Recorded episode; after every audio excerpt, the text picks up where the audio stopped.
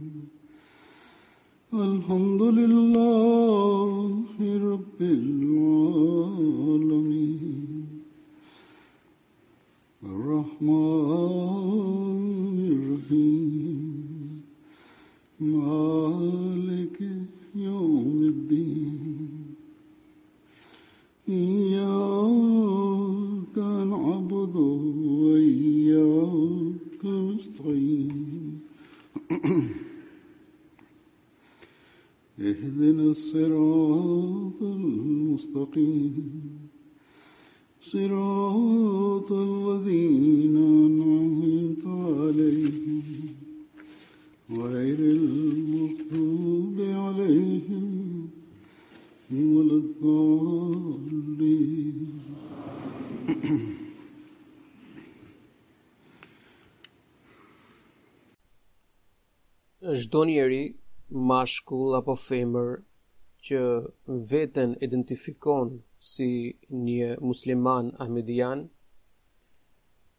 nuk i mjafton vetëm deklarimi se ai i beson Mesiut të Premtuar alayhis salam dhe u bindet të gjitha deklaratave të tij. pra që të quhet një Ahmedian i vërtetë. Mesiu i Premtuar alejhi selam ka përshkruar disa kushte, ka caktuar disa përgjegjësi dhe disa detyra të cilat ai duhet t'i përmbushë që të konsiderohet anëtar i xhematit të tij.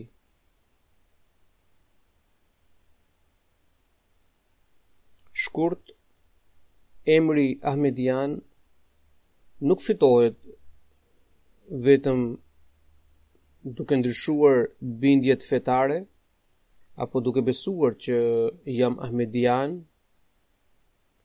sepse prindërit e mi ishin të tillë, apo kam besuar deklaratat e Mesihut të Premtuar alejhi selam e të tjera.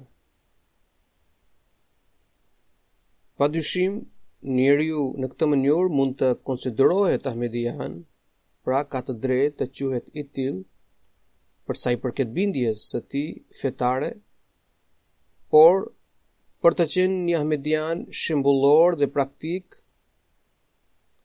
ai duhet të veprojë me të gjitha aftësitë dhe fuqitë e tij në përputhje me mësimet e Mesihut të Premtuar alaihissalam.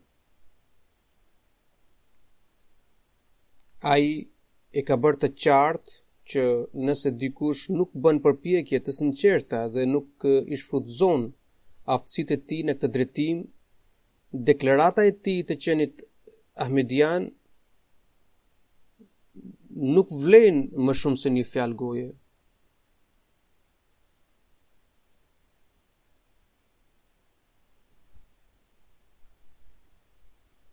Mesihu i Premtuar alejhi selam ka përshkruar bejatin si dorëzim para Zotit, pra sikur njeriu të, të dorëzohet para Zotit, që do të thotë që ne ia kemi, ia kemi shitur veten tonë Zotit, pra nefsin tonë ia kemi dorëzuar Zotit. Kur ne i shesim diçka dikujt, ne heqim dorë nga të gjitha të drejtat tona ndaj atij sendi, ndaj asaj gjëje, dhe tashmë blerësi bëhet pronar i tij legjitim dhe absolut dhe ai e përdor atë gjë, atë send, siç e ka ënda, siç, siç dëshiron ai. E njëjta ndjesi dhe përjetim duhet t'ia ngjallim vetëdijes sonë, ndërgjegjes sonë dhe një sjellje e tillë duhet të mbajmë karshi shpirtit tonë, karshi nefsit tonë. Mesihu i Premtuar alejhi selam na ka diktuar, na ka përshkruar gjithashtu hapat që na shpien drejt kësaj vetëdije dhe kësaj dhe kësaj ndërgjegje. dhe sipas tij fillimisht bejtbërësi, pra ai që ë bën besëlidhje me Mesihun e Premtuar alejhi selam me xhematin e tij. Bejtbërësi duhet t'i përmbahet përulësisë dhe modestisë, dhe, dhe si dhe të, të heqë dorë plotësisht nga egoizmi dhe e, individualizmi.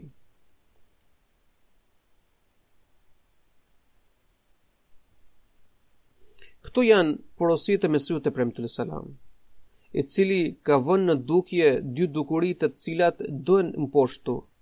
Egoizmi nganjëherë mbërthen njeriun duke mos i lënë asnjë mundësi shpëtimi. Pra e shtrëngon e mbërthen në këtë mënyrë që nuk i lë asnjë mundësi për të shpëtuar. Një gjë e tillë kam parë gjatë vizitës sime kur një ahmedian me përgjegjësi në xhemat që i pra i cili kishte një detyrë në xhemat thjesht për shkak të inatit, për shkak të konfliktit me me kolegun tjetër ahmedian, nuk erdhi në xhami për të falur namazin, edhe pse isha i pranishëm atje. Egoizmi dhe interesat personale i kanë pushtuar disa njerëz aq keq saqë shkelin nëpër këmbë betimin e tyre të bindjes ndaj kalifatit.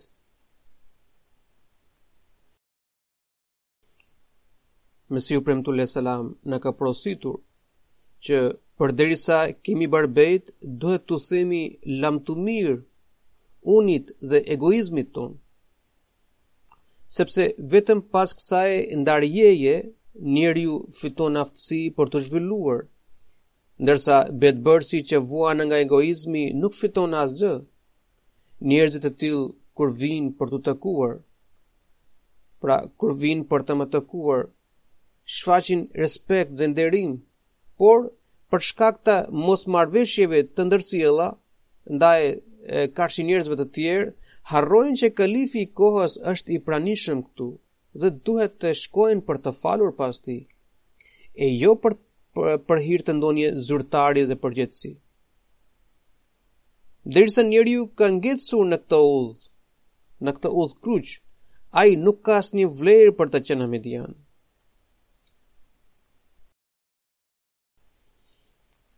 Dorëzimi i vetes shkakton përulësi, sjell përulësi dhe modesti tek njeriu. Pra, ai duhet të mposhtë dhe të mundë unin dhe t'i largohet egoizmit. Në këtë fazë, njeriut t'i mos mbetet asgjë nga vetja, përkundrazi t'i nënshtrohet plotësisht vullnetit të Zotit, pëlqimit të Zotit. Kur njeriu ngrihet deri në këtë shkallë, ai kalon në mbrojtjen e Allahut. Kur jetën i dorëzon Allahut, atëherë Zoti e çmon jetën e tij dhe e mbron nga çdo gjë e keqe.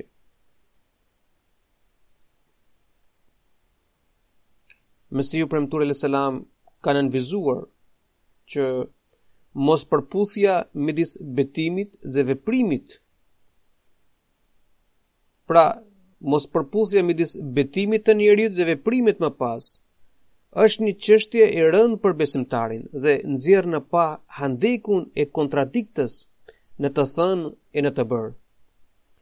Nëse nuk do të pajtohemi me Zotin, edhe ai nuk nuk do të pajtohet pajtohet me ne.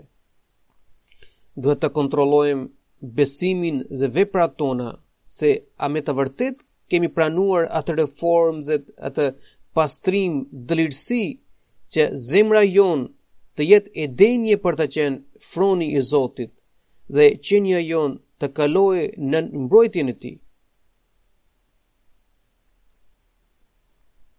Unë kam porositur xhematin tim në mënyrë të përsëritur që të mos kënaqen, pra thotë Mesihu i Premtuar alejhi selam, unë kam porositur xhematin tim në mënyrë të përsëritur që të mos kënaqen me betimin e tyre, por të synojnë të, të synojnë thelbin e tij, pra thelbin e këtij betimi.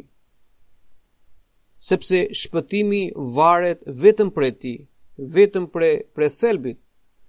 Unë ju porosis sërish, që të bëheni të pastër e të dëlirë njësoj si sahabët. Nëse do të vështrojmë jetën e sahabëve, do të shohim që ata kishin ndryshuar kryekëput jetën e tyre dhe armiqësinë dhe hasmërinë e viteve, madje të brezave, i kishin zvendësuar me dashuri, pajtim dhe vëllazëri, e jo që t'i që t'i që t'i kthenin shpinën xhamisë vetëm për shkak të një mosmarrëveshje momentale. Ata ishin të pashkolluar e të paqytetëruar, por duke dorëzuar veten Zotit, ata u bënë të shenjtë dhe pishtarë të dijes. Këtë betim e vërtetuan me gjithë zemër dhe shpirt, se gjithçka që posedonin tashmë i përkiste vetëm Zotit. Kur u penduan për idhujtarinë, kur u penduan dhe hoqën dorë nga idhujtaria, u munduan të largohen nga të gjitha format e shirkut të fshehtë.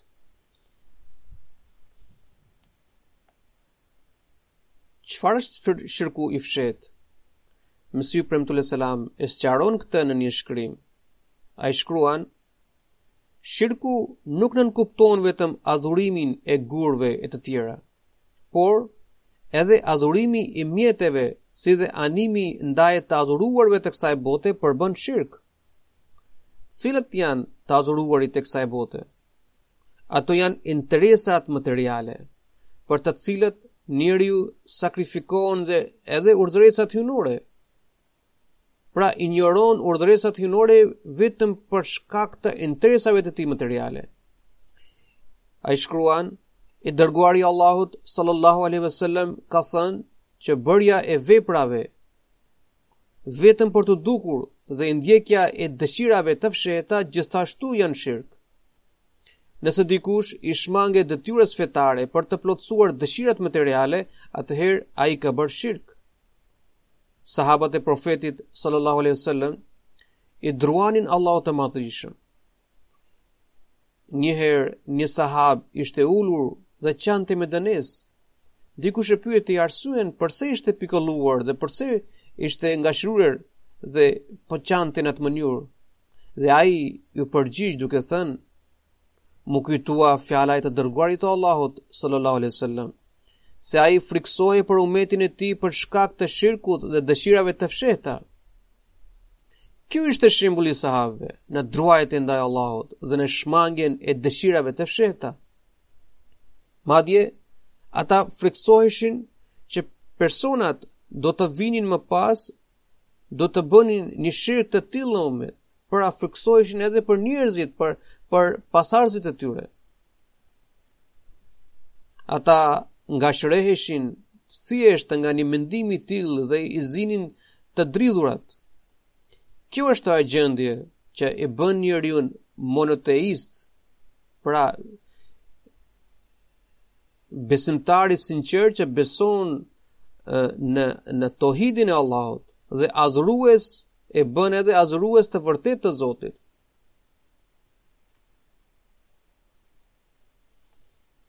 Mesihu i Premtuar alejhi selam ka thënë që tohidi, pra njëshmëria e Zotit, nuk është vetëm shqiptimi i fjalëve la ilaha illallah, ndërsa në zemër të ketë mijëra idhuj, Nëse njeriu e madhëron punën, marifetin, gënjeshtrën apo planin, njësoj si e madhëron Zotin, apo i beson ndonjë njeriu ashtu siç duhet besuar Zoti, apo e lartëson veten ashtu siç i takon Zotit, atëherë në të gjitha këto situata, ai quhet idhujtar në sy të Zotit. Çdo gjë, madje fjalë apo vepër, së cilës i jepit të njëjtën rëndësi siç i takon Zotit të Madhërishëm, ajo është një idhull në sy të Zotit. Ta dini se tohidi i vërtetë që na kërkon Zoti, me të cilin varet dhe shpëtimi ynë, është që të besojmë se qenia e Allahut të madhërishëm, është e pastër, është e shenjtë nga çdo lloj ortakërie, qoftë me idhull, njeri, diell, hënë, me veten tonë, me planin, marifetin apo edhe me gënjeshtrën tonë. dhe të mos konsiderojmë askënd të plotfuqishëm, furnizues, mbështetës apo poshtrues si ai.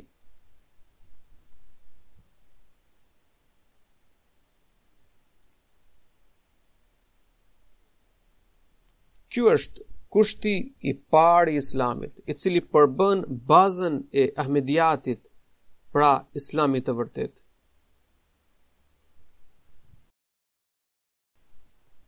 Dikush më tregoi se njerëzit nganjëherë lartësojnë aq shumë gradën e kalifit apo të kalifatit, saqë e barazojnë me shirk.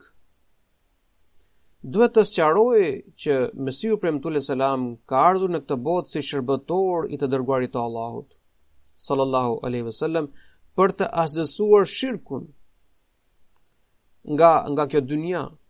Pra qëllimi i ardhjes së të dërguarit të Allahut sallallahu alaihi wasallam dhe qëllimi i ardhjes së Mesihut të premtuar alejhi selam është që të asgjësohet shirku nga kjo botë dhe të vendoset njëshmëria e Zotit, tohidi i Zotit. Prandaj, është e pamundur që kalifati i tij të kontribuojë në shtimin e shirkut. Pra nuk mund të ndodhë që kalifati i Mesihut të premtuar alejhi selam, i cili është shërbëtori i të dërguarit të Allahut sallallahu alajhi wasallam, të kontribuojë ose të mbështesë përhapjen e shirkut. Përkundrazi, qëllimi i tij i vetëm është vendosja e tohidit në tokë. Sigurisht, qëllimi themelor i kalifatit është asgjësimi i shirkut, vendosja e tohidit dhe përmbushja e misionit të Mesihut të Premtuar alejhi selam. Nëse dikush duke parë bindjen dhe nderim dhe nderimin e dikujt ndaj kalif kalifit krijon një përshtypje të tillë e këshilloj që në vend të krijojë një mendim të tillë duhet të reflektojë se vallë ai mos po paragjykon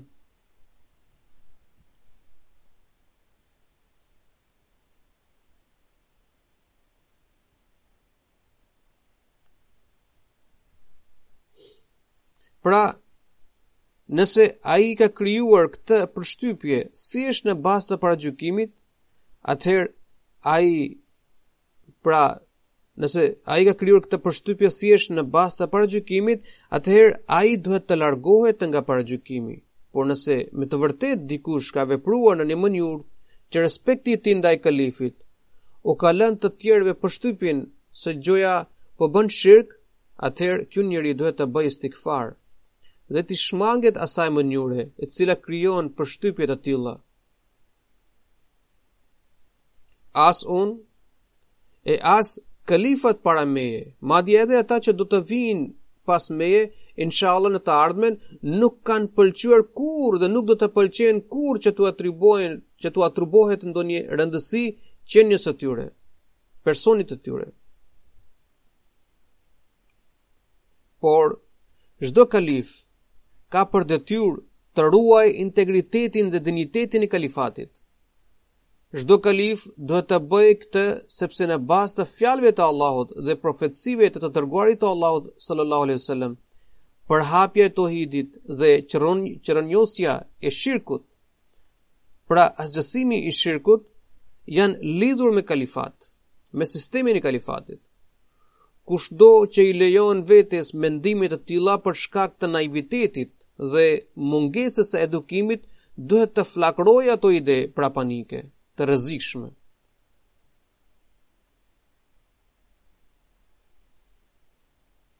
pas vendosjes së tohidit dhe largimit nga nga shirku, Mesihu i Premtuar alejhi selam u ka caktuar ndjekësve të tij një synim të rëndësishëm.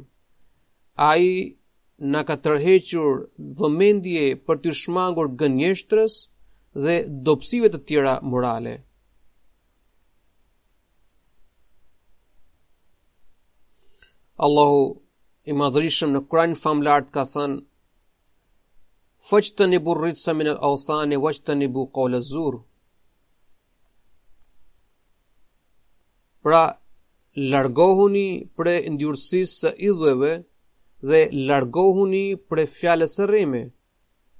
Surja Al-Hajj, ajeti 31. Mesihu i Premtuar alejhi selam ka shtjelluar më tej këtë porosi duke thënë Kurani famëlartë ka cilësuar gënjesht, gënjeshtrën si një ndotësi dhe fëllitësi. Shikoni në këtë ajet Zoti ka krahasuar gënjeshtrën me idhull. Me të vërtetë, edhe gënjeshtra është një lloj idhulli. Ndryshe, njeriu nuk do t'i shmangej të vërtetës e të anonte nga e rremja. Ashtu, siç idhulli nuk ka asgjë brenda, Edhe gënjeshtra nuk përmban asgjë përveç trillimeve. Gënjeshtra është një idhull. Gënjeshtra është një idhull dhe njeriu që i mbështetet gënjeshtrës nuk i beson më Zotit dhe kështu gënjeshtari privohet nga besimi në Zot. Pra, përderisa dëshmojmë se besojmë në njëshmërinë e Zotit dhe që jemi muslimanë të vërtetë, ne duhet të shkullim e të përzëmë gënjeshtrën dhe gënjeshtarin nga radha jonë, nga shoqëria jonë. Dhe të asgjësojmë këtë ndotësi nga mjedisi ku jetojmë. Një besimtari nuk i ka hije t'i shtrembërojë faktet në çështje të vogla. Shtrembërimi i realitetit sado i papërfillshëm bën pjesë në gënjeshtër dhe largon besimtarin nga tohidi. Shpeshherë, njeriu fiton të drejtën në, në mosmarrëveshje, Pra, e, vendimi e jepet në favorin e tij, thjesht sepse ai kishte përdorur gënjeshtrën. Ndërsa i dërguari i Allahut, sallallahu alaihi wasallam, na ka përshkruar hollësisht llojet e gënjështrës. Për shembull, ai ka thënë që nëse dikush nga ju thërret një fëmijë, duke premtuar diçka që ai nuk ia jep. Atëherë kjo është gënjeshtër. Madje, fjalë të tilla që thuhen për humor gjithashtu bëjnë pjesë në gënjeshtër. Pastaj, ai ka thënë, me të vërtetë, gënjeshtra të çon në punë të këqija, e punët e këqija të çojnë në zjarr. Në hadith janë përdorur fjalë al-fuxhur, që nënkupton shmangja e së vërtetës dhe punë të ndyra e të pista. Pra, ne duhet të reflektojmë gjendjen tonë se si është shkalla e sinqeritetit tonë. Dhe a me të vërtetë gjendja jonë përputhet me fjalët profetike që e vërteta e shpie njeriun drejt xhenetit? Mesihu i Premtuar alejhi selam ka nënvizuar një dukuri së cilës ndjekësit e tij duhet t'i shmangen gjithashtu dhe nuk duhet t'i afrohen assesi. Ai e ka renditur këtë dukuri në dhjetë kushtet e betit dhe ajo është imoralitet, imoraliteti dhe kurvëria.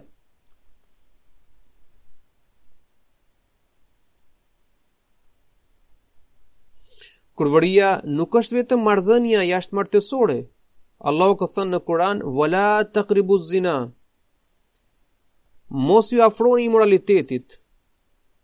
Surja Al-Isra ajeti 33.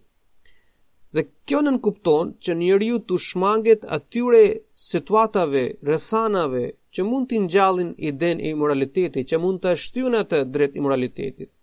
Pra, nuk duhet t'i afruar imoraliteti si një akt, por duhet shmangur edhe situata që e nxit njeriun drejt tij. Ai duhet t'u largohet atyre shtigjeve që e çojnë drejt këtij mëkati, apo drejt mundësisë, apo rrezikut të këtij mëkati. Sot, filmat apo programe televizive, pra telenovelat, promovojnë hapur kurvërinë apo marrëdhëniet jashtëmartesore. Pra, promovojnë imoralitetin. Prandaj çdo musliman ahmedian duhet t'u shmanget këtyre mundësive dhe mjeteve që e mbështesin, që e promovojnë imoralitetin. Një ndër arsyet që shkaktojnë konflikte apo ë a prishin edhe lidhjet familjare, martesore, pra lidhjet bashkëshortore, është që bashkëshorti ndjek programe të tilla në televizor apo apo në, në, në internet.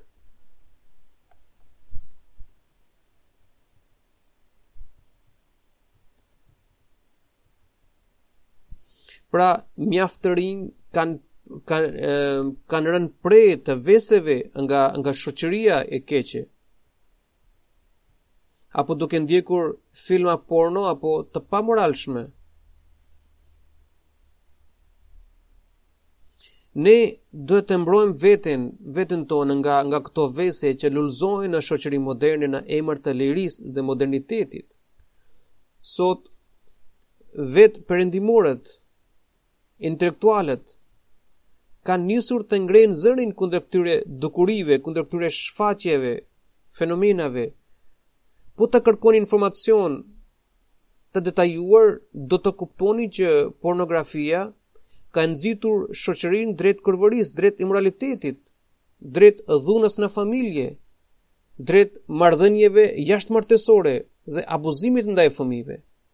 Këto janë pasojat e drejtpër e drejtpërdrejta të këtyre të kësaj dukurie të këtyre filmave. Derisa Mesihu i Premtuar alejhi selam na ka porositur t'i shmangemi edhe mendimit që na shpie drejt imoralitetit, andaj çdo musliman ahmedian duhet të ruhet nga këto shfaqje.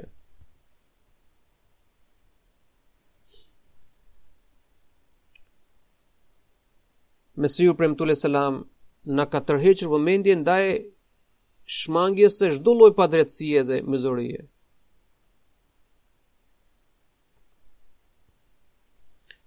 Ai ka deklaruar që ai ka deklaruar se çdokush që e beson atë Pra, që e ndjek Mesihun e Premtuar alejhi selam, duhet të largohet nga mbrapsht nga mbrapshtia, zullumi, rrëmuja dhe nga tresa. Pra, derisa ka pranuar që Mesihu i Premtuar alejhi selam është Imam Mehdiu, është reformatori i kohës, atëherë ai duhet të heqë dorë nga të gjitha këto dukuri, të gjitha këto dukuri që janë të dëmshme për për zhvillimin e tij shpirtëror dhe moral. Një herë dikush e pyeti të dërguarin e Allahut sallallahu alaihi wasallam se cila është mizoria më e rëndë, cili është zullumi më i madh. Ai iu përgjigj, mizoria më e madhe është se dikush t'ia rrëmbejë vëllait të tij një një pëllëmbë toke. Pra, zullumi më i madh është që dikush t'ia rrëmbejë vëllait të tij një pëllëmbë toke. Në ditën e Kiametit, një grimcë dheu prej tokës së rrëmbyer, e cila futet midis dy gishtave, bashkë me të gjitha shtresat e tokës, do të shndërrohet në pranga, që do të vihet në qafën e tij. Merreni, merreni me mend se se sa të gjëra janë shtresat e tokës dhe sa i rëndë do të jetë ky ndëshkim për njeriun. Pa dyshim, njeriu nuk mund të imagjinojë përmasat e këtij ndëshkimi. Mohimi i të drejtave është një zullum dhe mëkat i rëndë, nëse ne u themi krenarisht të tjerëve se mësimet më të mira për mbrojtjen e të drejtave të njeriut gjenden në Islam, i cili në vend të të drejtave na porosit për t'iu përgjigjur detyrave tona ndaj të tjerëve, por nëse krahas këtij deklarimi Nëse veprat tona përgënjeshtrojnë këtë deklaratë, atëherë jemi gënjeshtarë dhe gjynahqarë. Çdo mysliman ahmedian duhet të analizojë sjelljen e tij.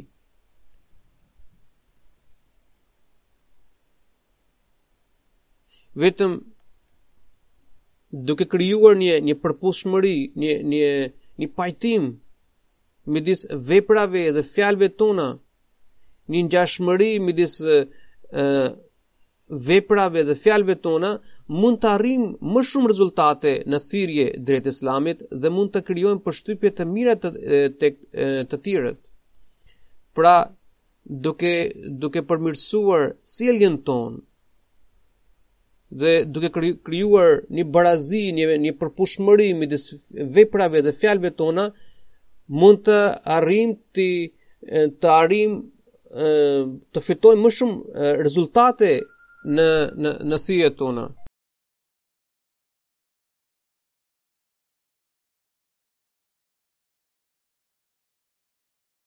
Mesihu i Premtuar alejhi selam na ka caktuar si kriter që të mos lejojmë as mendimin e së keqes të kalojë në mendjen tonë e le të abuzojmë me, me dikë.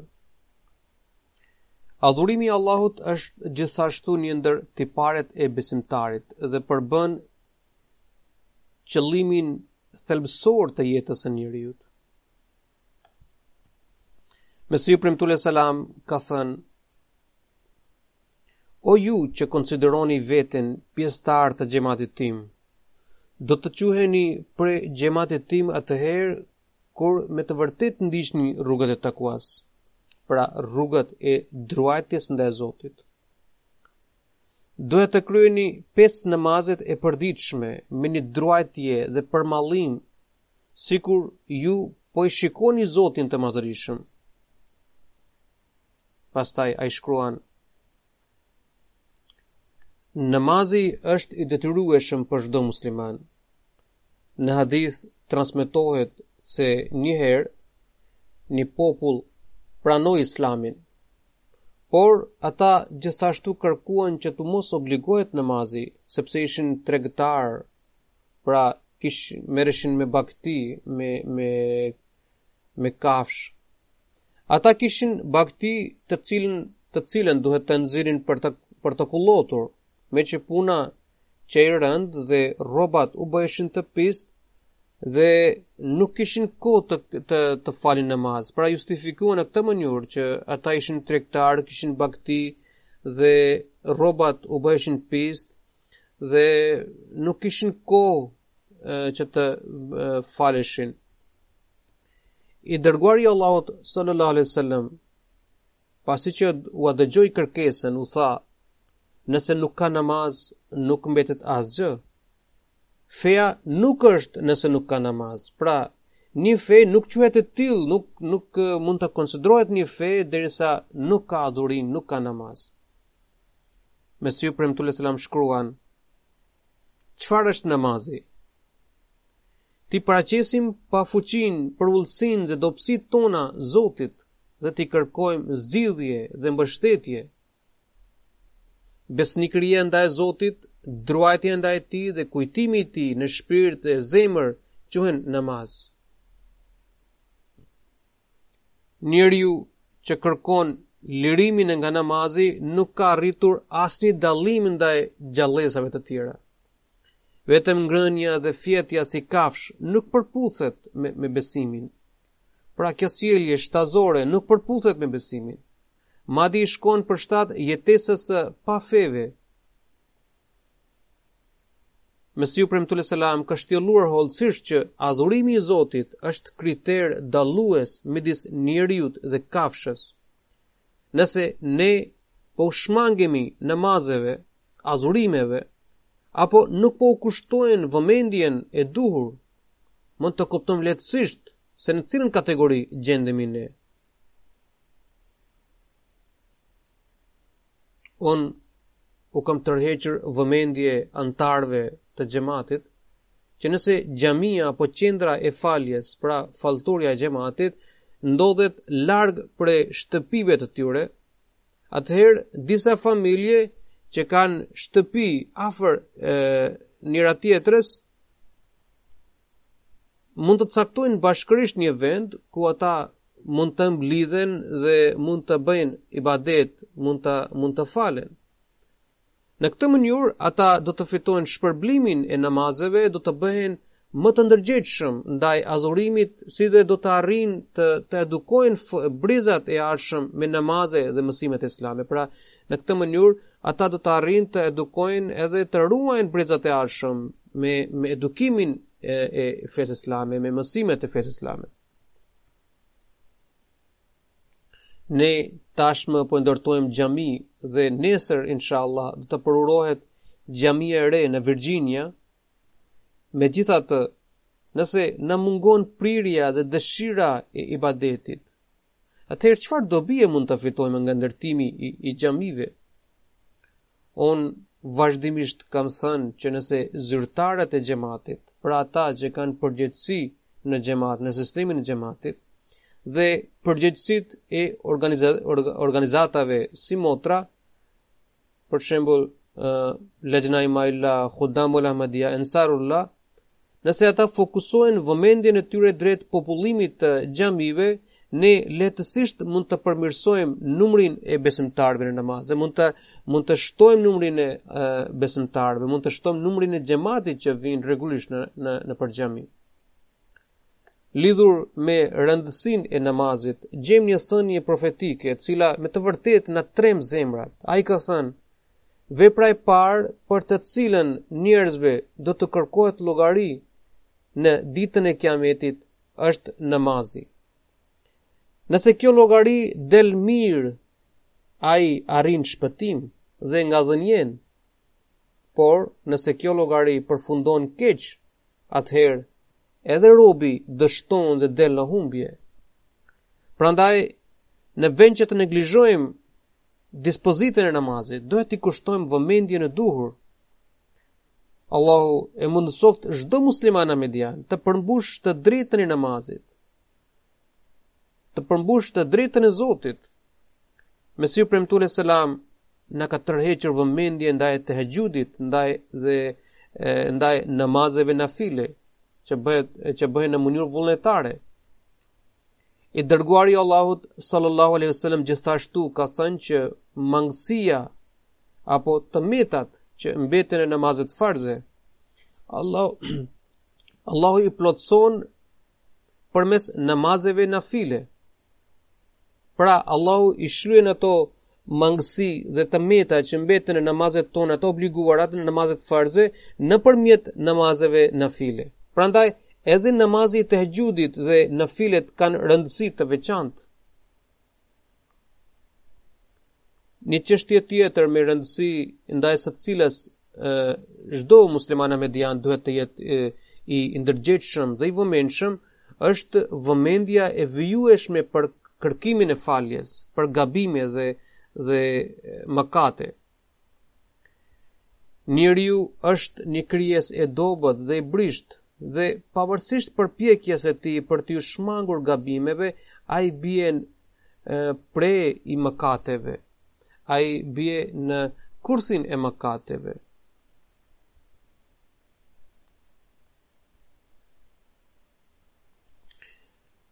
Pra, Zoti ynë nuk është i tillë që vetëm dënon robërit e tij, dhe u kërkon llogari për gabimet e tyre dhe është i shpejtë dhe i rreptë në ndëshkim e të tjerë. Pra, nuk është vetëm që Zoti është i shpejtë për të ndëshkuar robërit e tij. Përkundrazi, ai gjithashtu na ka treguar mënyrën se si mund t'i kërkojmë falje dhe ë t'i shmangim, t'i shmangemi kurthit të mëkatit.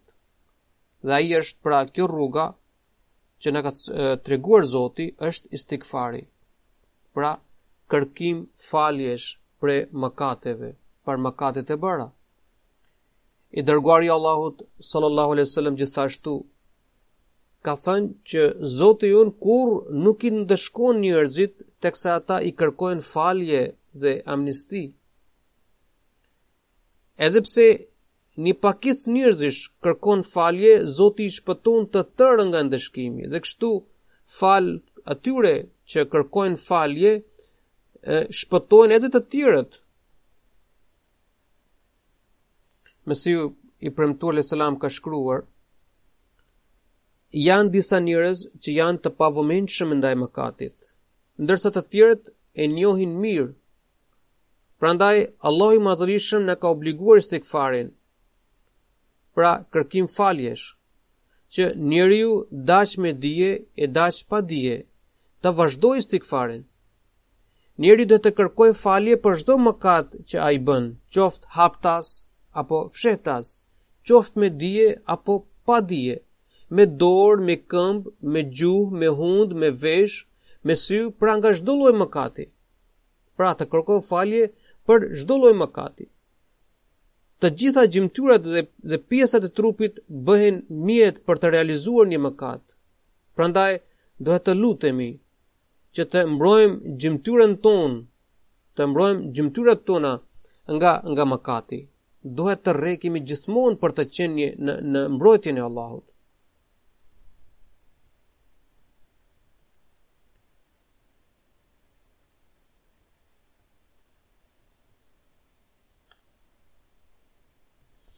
Mesihu i premtuar alejhi selam na ka porositur për të bërë këtë lutje të Kuranit. Kjo lutje është Rabbana zalamna anfusana wa illam taghfir lana wa tarhamna lanakunanna min al-khasirin.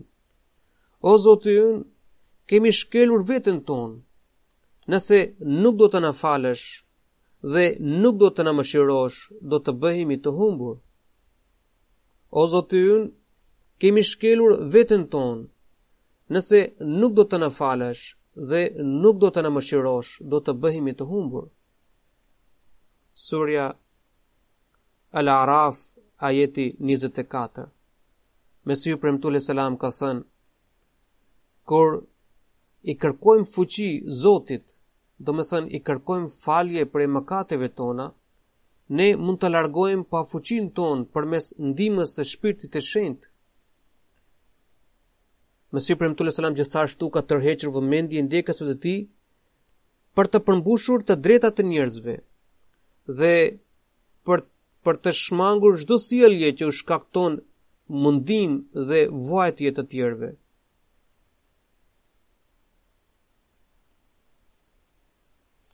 Ai na ka tërhequr vëmendje dhe na ka porositur për të kontrolluar brendësinë, pra gjendjen tonë të brendshme dhe shpirtin tonë.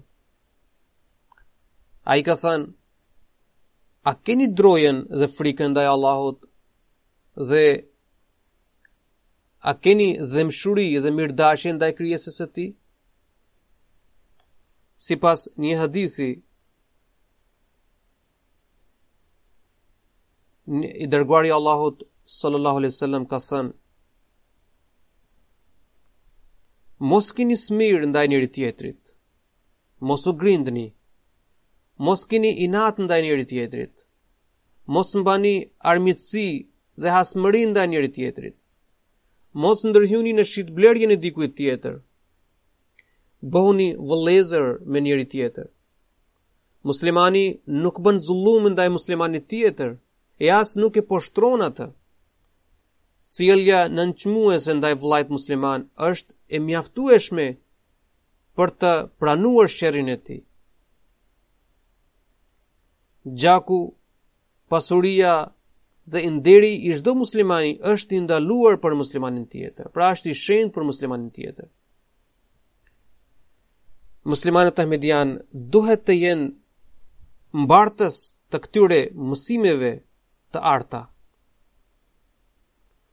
Nëse të gjithë muslimanët arrijnë ta kuptojnë këtë realitet dhe ata dhe udhëheqësit e tyre fillojnë të veprojnë sipas këtyre mësimeve, nuk do të kishim më vlavra, vllavrasje pra kërdi midis muslimanëve dhe shkatërrimin e vendeve muslimane, si dhe një, një katastrofë njerëzore ku qindra fëmijë kanë mbetur jetimë dhe mijëra dhe mijëra gra kanë mbetur të ve. Një tjetër dukuri për të të cilën Allahu i madhërishëm na ka tërhequr vëmendje dhe na ka porositur për të shmangur është mendjemadhësia.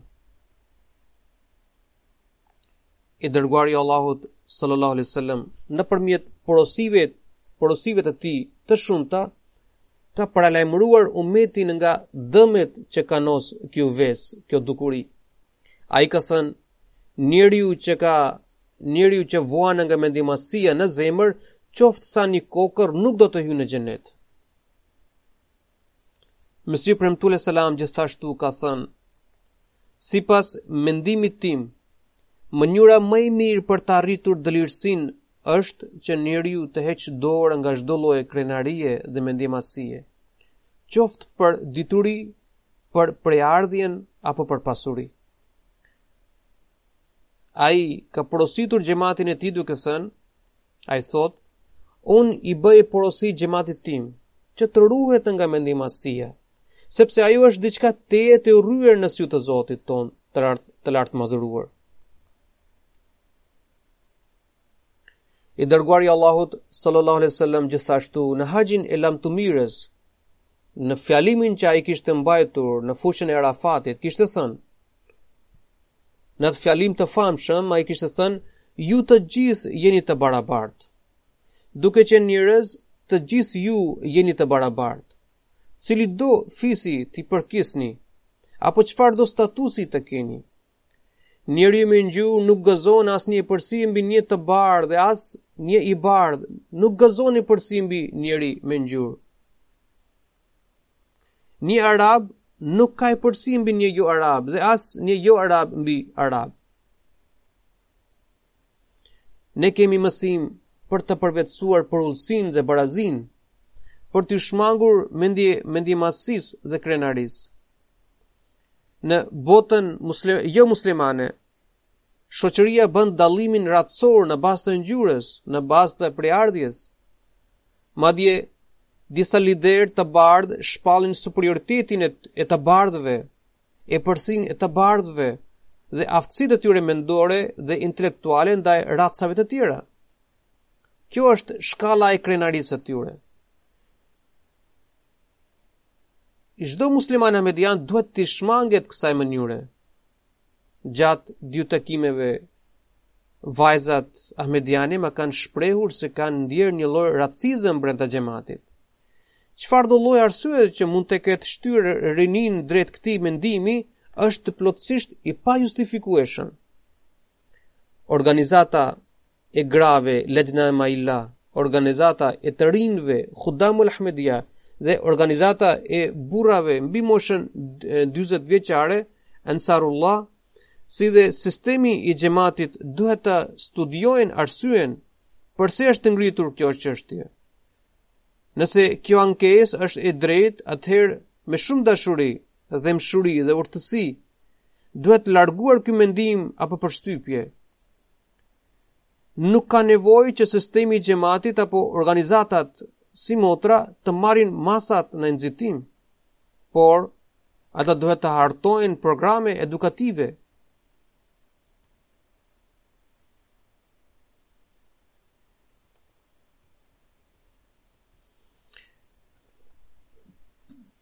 Pra, nuk ka nevojë që sistemi i xhamatit apo organizatat simotra të marrin masat në nxitim, por ata duhet të hartojnë programe edukative, as nuk ka nevojë as për të zbuluar personin i cili ka thënë, i cili është shprehur në këtë mënyrë, por të hulumtohet arsyeja Dhe të hulumtohet që ky shqetësim është i drejtë, është legjitim apo jo? A mos janë problemet individuale që kanë formuar këtë përshtypje? Megjithatë, nëse kjo dukuri e shëmtuar ekziston brenda anëtarëve, duhet të vepruar me dashuri dhe maturi për të çrrënjosur atë. Unë gjithashtu i kisha thënë asaj vajze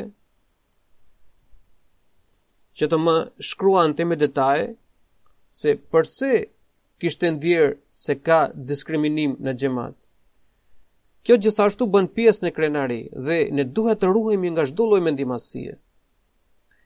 Një tjetër çështje e rëndësishme për të cilën i dërguari i Allahut sallallahu alaihi wasallam na ka të porositur është shpenzimi në rrugën e Allahut. Mesihu i Premtuar alejhi selam gjithashtu u ka tërhequr vëmendjen ndjekësve të tij ndaj kësaj porosie. Është mëshira e Allahut që xhamatet anembanë botës, po përparojnë në sakrificat financiare. Xhamati Musliman Ahmedia i Amerikës gjithashtu ofron sakrifica të veçanta, të jashtëzakonshme në situata e, të ndryshme, në situata të veçanta. Megjithatë, për sa i përket për sa i përket sistemit tonë financiar, vihet re një mangësi e dukshme në pagimin e kontributeve në mënyrë të rregullt. Kjo sektor kërkon vëmendje. Një person me gjendje të shtrënguar ekonomike mund të kërkojë lehtësim në përqindjen e kontributeve, por ata anëtarë që kanë të ardhura të konsiderueshme duhet të analizojnë gjendjen e tyre, se a po paguajnë sipas përqindjes së caktuar apo jo. Nuk është e pranueshme që ata të reduktojnë të ardhurat e tyre njësoj siç e bëjnë për të kursyer taksat e shtetit.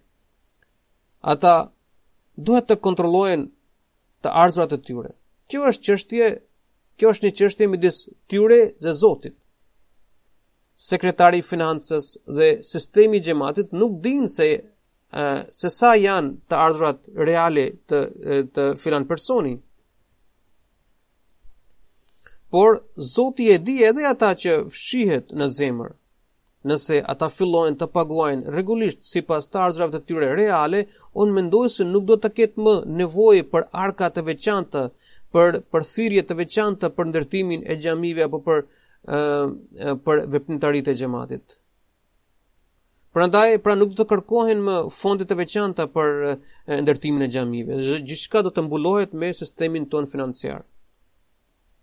Prandaj, kontrolloni gjendjen tuaj dhe ata ë që nuk kanë deklaruar ende të ardhurat e tyre reale le të dorëzojnë rivlerësimin e, e buxhetit.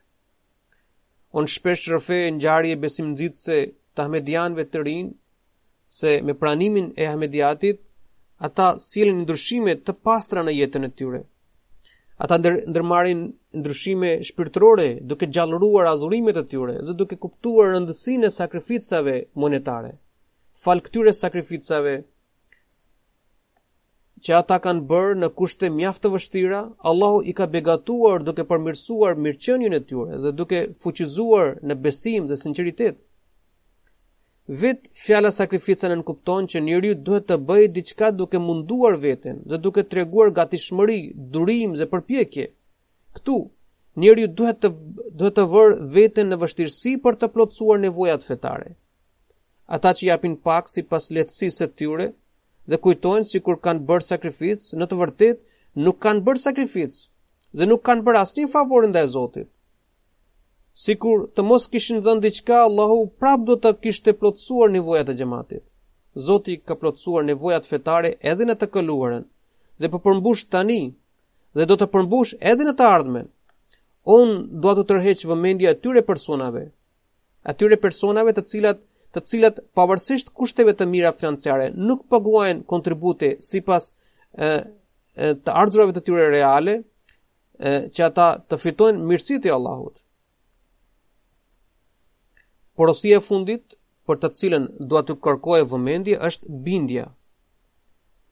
Kjo porosi është përsëritur në Kuranin famëlartë në shumë vende dhe është kërkuar bindja ndaj Allahut, të dërguarit të tij dhe ndaj atyre të cilët kanë autoritet mbi ju. Mesihu i Premtuar alejhi selam gjithashtu ka renditur këtë porosi ndër 10 kushtet e betit, që betbërësi do të ketë lidhshmëri vëllazërore me, me të Pra me Mesihun e Premtuar duke iu bindur në të gjithë në të gjithë urdhrat e njohur dhe deri në vdekje do të qëndrojë besnik ndaj kësaj lidhshmërie. Betimet tona të organizatave si motra gjithashtu përmbajnë këto fjalë që do ta konsideroj të domosdoshëm zbatimin e çdo vendimi të njohur që jep kalifi i kohës. Disa persona me pikëpamje të shtrembra edhe sjellje hipokrite arsytojnë se jemi betuar që do t'i bindemi kalifit vetëm në çështje të njohura e të drejta, që janë pra që janë të arsyeshme sipas tyre. Dhe që vendimet e kalifit nuk janë gjithmonë të drejta apo nuk janë të tilla sipas tyre. Ky mendim apo interpretim gjendet gjithkund, Mund të jenë një apo dy persona që mbështesin këtë ide, por le të jenë një në një milion, prapë ka nevojë të kundërpërgjigjet, të korrigjohet. Përndryshe ai mund të helmojë rininë tonë. Nëse çdo individ fillon të interpretojë se cili vendim është i drejtë dhe i arsyeshëm dhe cili jo, nuk mund të ruhet integriteti dhe bashkimi i xhamatit. Hazret Kalifi i parë radhiyallahu anhu ka sqaruar këtë çështje, ai ka thënë që njerëzit kanë gabuar në të kuptuarit e termit bindje ndaj urdhrave të ditura.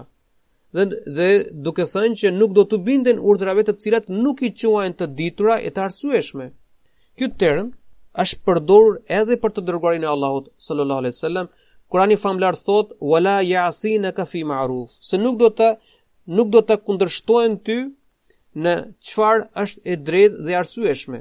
Tani, këta njerëz a kanë hartuar dhe listën e të metave e të dërguarit të Allahut sallallahu alaihi wasallam se cila qe fjala e drejtë dhe e arsyeshme dhe cila jo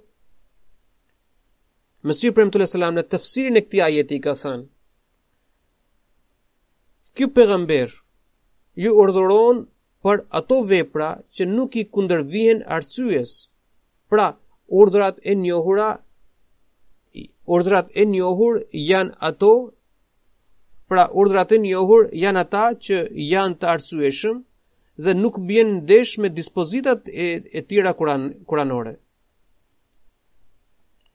Në një hadith rrëfehet se i dërguari i Allahut sallallahu alaihi wasallam kishte dëgju kishte dërguar një ekspeditë ushtarake në një vend dhe gjatë misionit një herë ata vendosën kamp në një vend dhe ndezën zjarr.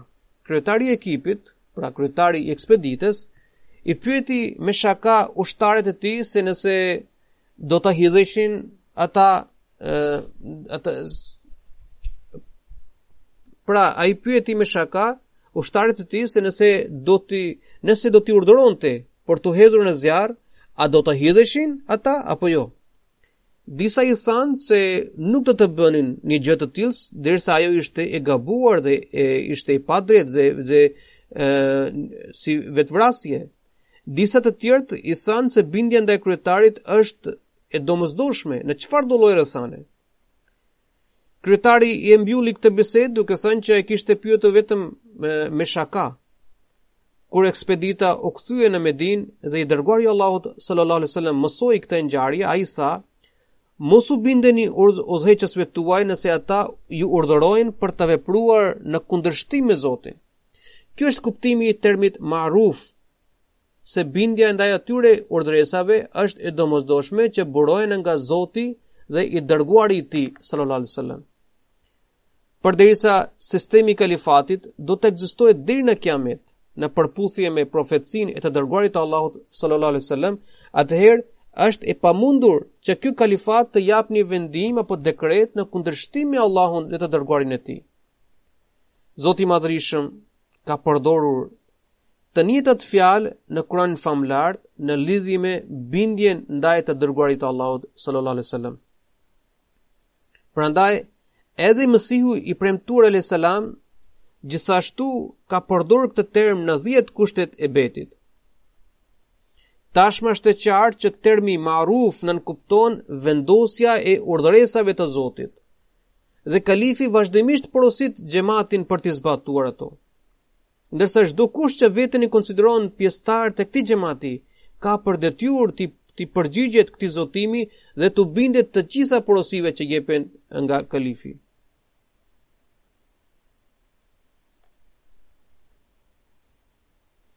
Hazret Kalifi i dytë radiallahu anhu, gjithashtu ka thënë, që edhe nëse jepet ndonjë vendim të gabuar, Zoti i cili është zotuar, Zoti i cili është betuar për dhe ka premtuar për mbrojtjen e këtij institucioni, nuk do të lejojë të dalin pasoja të këqija, madje do të krijojë kushte të favorshme që rrjedhojat e këtij vendimi të jenë në favor të xhematit.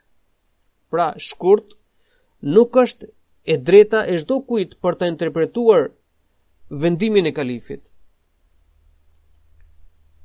Çdo vendim që u përgjigjet Kuranit, Sunetit profetik, hadithit dhe vendimeve të Imam Mehdiut alayhis salam gjykatësi i kësaj epoke është i drejtë dhe legjitim.